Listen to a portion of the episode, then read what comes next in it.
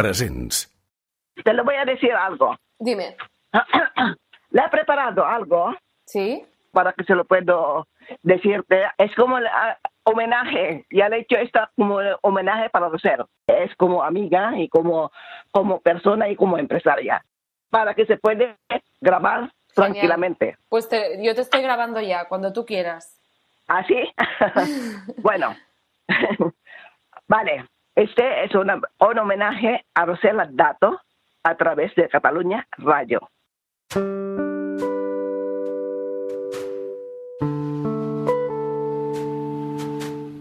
Hace muchos años que yo conocí a Rosela Dato.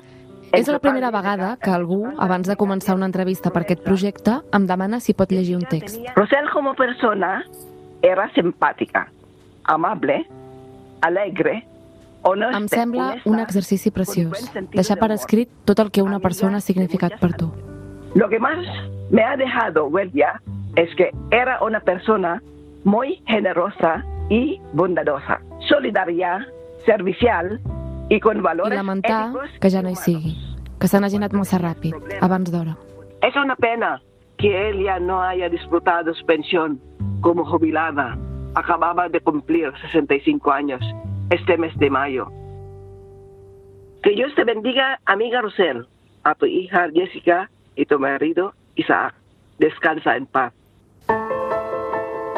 Presents. Soc la Carola Soler i això és Presents, un homenatge als absents. Un recorregut per les vides dels qui ens han deixat a causa del coronavirus.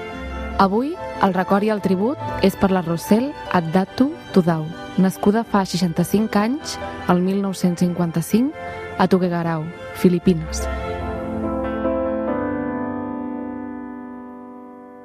La persona que sentíem fins ara, llegint la carta d'homenatge a la Rosel, és la Macrina Alcedo, la presidenta de la Federació d'Entitats Filipines a Barcelona. Yo soy la mamá de la comunidad. Siempre me, me llaman mamá o tita. La Macrina té 73 anys i en fa més de 40 que va venir a Barcelona des de l'altra punta de món buscant un futur millor. És el mateix que va fer la seva amiga, la Rosela Dato, a mitjans dels 70, deixar enrere la família a Filipines per començar a escriure una nova vida des de zero.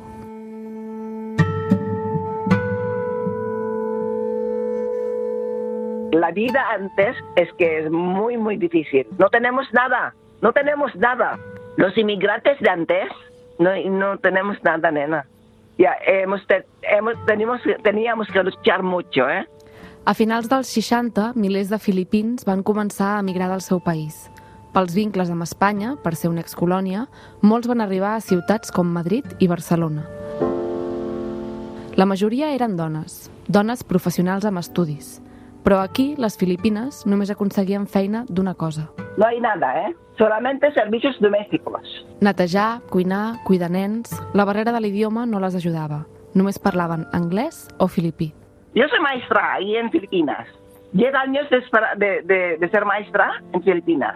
Pero aquí no, ya no puedes hacer de maestra. La seva amiga, la Rosel, era administrativa. Havia estat secretària del Ministeri d'Obres Públiques a Tuguegarao. Però aquí a Barcelona res d'això semblava servir.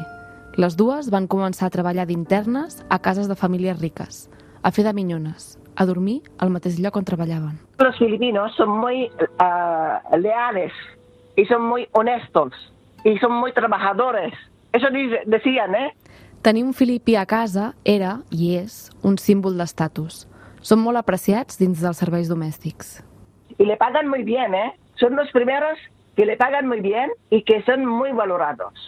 La feina era dura, però permetia estalviar i enviar diners a casa. Es muy raro porque ah, ahora tienes que servir a otras familias en vez de tu familia, ¿no?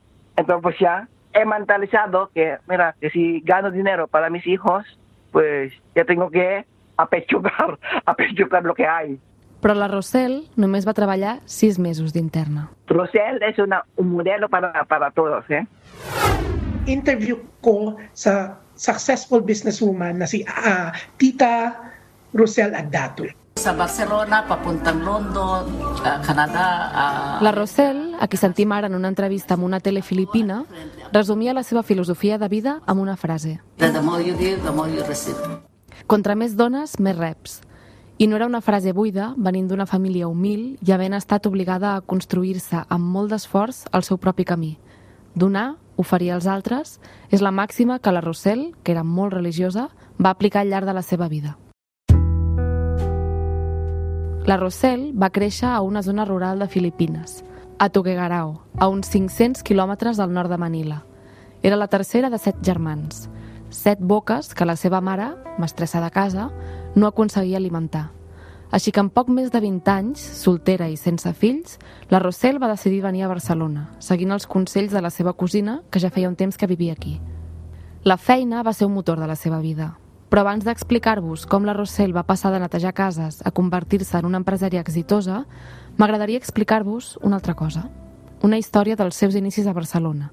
Un fet significatiu que explica les dificultats quotidianes que patien les Filipines en aquella època. Un fet que va propiciar una trobada que va marcar-li la vida en un terreny personal. Mi madre creo que, que era recién llegada, o sea, que hablaba muy poquito español. Aquesta és la Jèssica, que segurament no existiria si no fos per aquella trobada fortuïta fa uns 40 anys en un autobús. Aquella tarda, la Rossell només tenia un bitllet gran per pagar el trajecte. El autobusero le dijo como despectivamente, uff, estos extranjeros, ¿no? Y como que le dijo, no tengo cambio, y como que la iba a echar, ¿no?, del autobús. Però un dels passatgers, enfadat pel tracte que estava rebent aquella noia, ràpidament, Dijo, no, no, no, ya, ya te pico. i amb aquell gest tan simple, sense que la Rossell parlés castellà ni aquell passatger, l'Isaac, un jove acabat d'arribar d'Extremadura, parlés anglès, Y ahí empezó una historia de amor.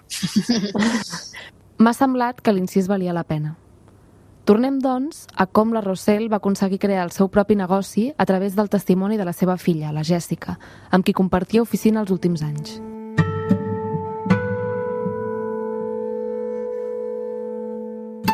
A vegades, les persones només ens fa falta una oportunitat per superar els obstacles que tenim davant. I a la Rossell, qui li va donar, va ser un dels primers senyors per qui va treballar, el doctor Domènech. Mi madre, como ya te digo, era bastante espabilada, tuvo suerte y, y enseguida un- el doctor Domenech, eh, que trabaja para él en su casa, le vio, pues eso, ¿no? Un algo más. El doctor Domènech va dir-li que necessitava un assistent, que l'ajudés netejant i tenint cura de tots els instruments de les operacions. Aquesta oportunitat, petita o gran, segons es vulgui veure, va fer que la Rossell deixés de fer de minyona i que a poc a poc es sentís lliure per potenciar el seu caràcter inquiet i emprenedor, sempre amb els filipins en ment. Estaba muy, muy unida a, pues eso, a, a todos sus, sus cababayan, que se dice, a sus compatriotas, ¿no?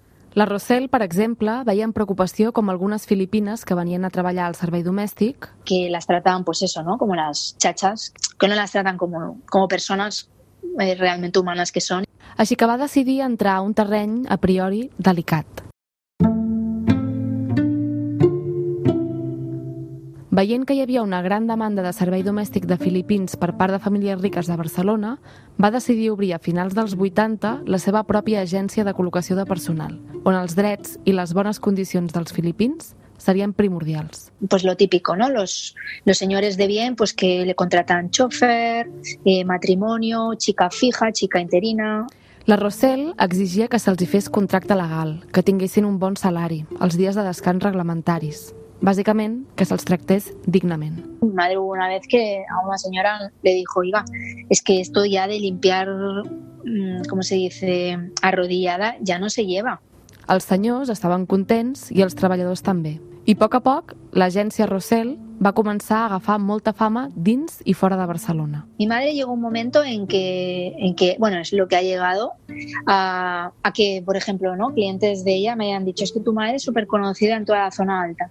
Y familias de renombre, tanto pues políticos, futbolistas, bueno, ha tenido clientas que de toda la vida, de, que han pasado de generación en generación. Amb el seu saber fer, el seu somriure permanent i la seva psicologia, es posava a tothom a la butxaca. Y mi madre de forma suave, siempre con, con mucho tacto, ha sabido ser la perfecta intermediaria. Una intermediària entre dos mons totalment oposats, que la Rossell va aprendre a alternar. es como señores, ¿no? Que, que ahora se, me daban el pésame, decían, es que como tu madre es que no hay nadie, es que era tan atenta, tan, tantos años, es que ya éramos amigas.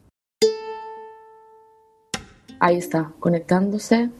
Ahora, Ahora, Patricia, cuéntame de, de qué conocías a, a Rosel. Ay, a Rosel. Uf, pues puedo hasta emocionar, ¿eh? Uf, pues hace casi 40 años que la conocía. Me la recomendaron porque yo ya necesitaba servicio. La casa que veníamos venir a vivir era, es muy grande, yo trabajo mucho y me la recomendaron como agencia de servicio doméstico. Y ahí empezó una relación ya muy especial. Patricia, la senyora Algaró, recorda com era la Rossell professionalment. Cuidaba muchísimo a sus clientas y era como una madre para sus paisanos, para los filipinos. La llamabas a cualquier hora, a cualquier hora te ayudaba. I una paciència tenia tremenda, tremenda. La senyora Algaró parla amb coneixement de causa perquè al principi la trucava a totes hores. Como yo soy muy estricta, muy seria, cualquier filipino que haya trabajado en mi casa te lo dirá, eh, tenía encontronazos, sobre todo al principio, porque no sabía lo que era tener ayuda en casa. Y continuamente le estaba llamando.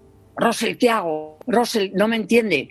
I la Rossell l'escoltava, intentava calmar-la, li demanava que tingués paciència i si hi havia algun problema, mirava d'arreglar-lo. En alguns casos, sense perdre la seva dolçor ni el seu somriure, també anava una mica més enllà. Y tanto nos reñía al servicio doméstico como nos reñía las clientas cuando no hacíamos las cosas bien. Porque a veces te quejabas de, "Oye, el servicio me han pedido que quieren fiesta tal día y, y siempre te lo hacía ver. Sé comprensiva, está todo el día en casa. Con ella aprendí a tratar a, la gente, a tratar al, al personal. El món del servei domèstic està fora de la realitat per moltes persones avui en dia. Els senyors i el seu servei. Pot sonar estrany. Però la Rossell va aconseguir traspassar barreres i construir relacions a priori poc probables. Amb la senyora Algaró es van fer molt amigues i els últims anys la seva gran afició era anar a provar restaurants juntes. L'últim cop, la sobretaula es va allargar més del compte. Y nos divertimos y lo pasamos, hicimos de planes y ahora todo eso no está. Ya no existe.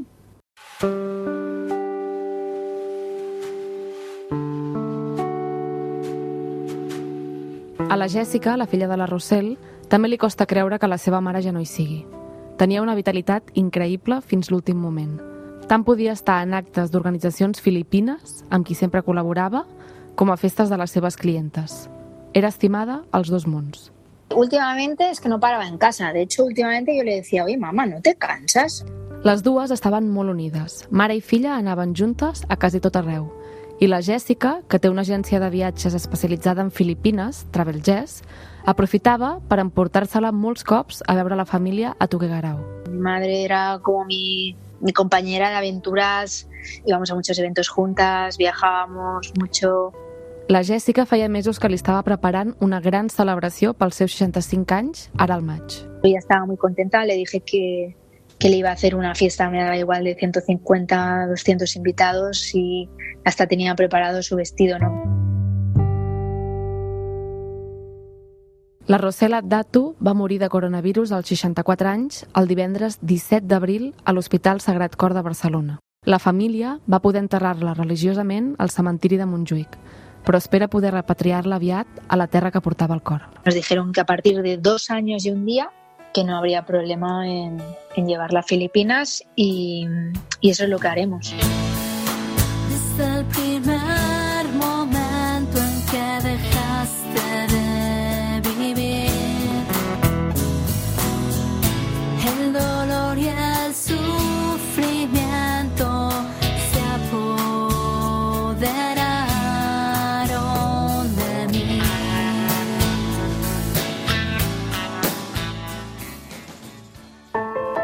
Presents.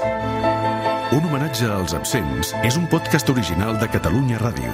Direcció, guió, producció i narració, Carola Soler. Muntatge tècnic, Matilde Seoane. Producció executiva, Albert Segura.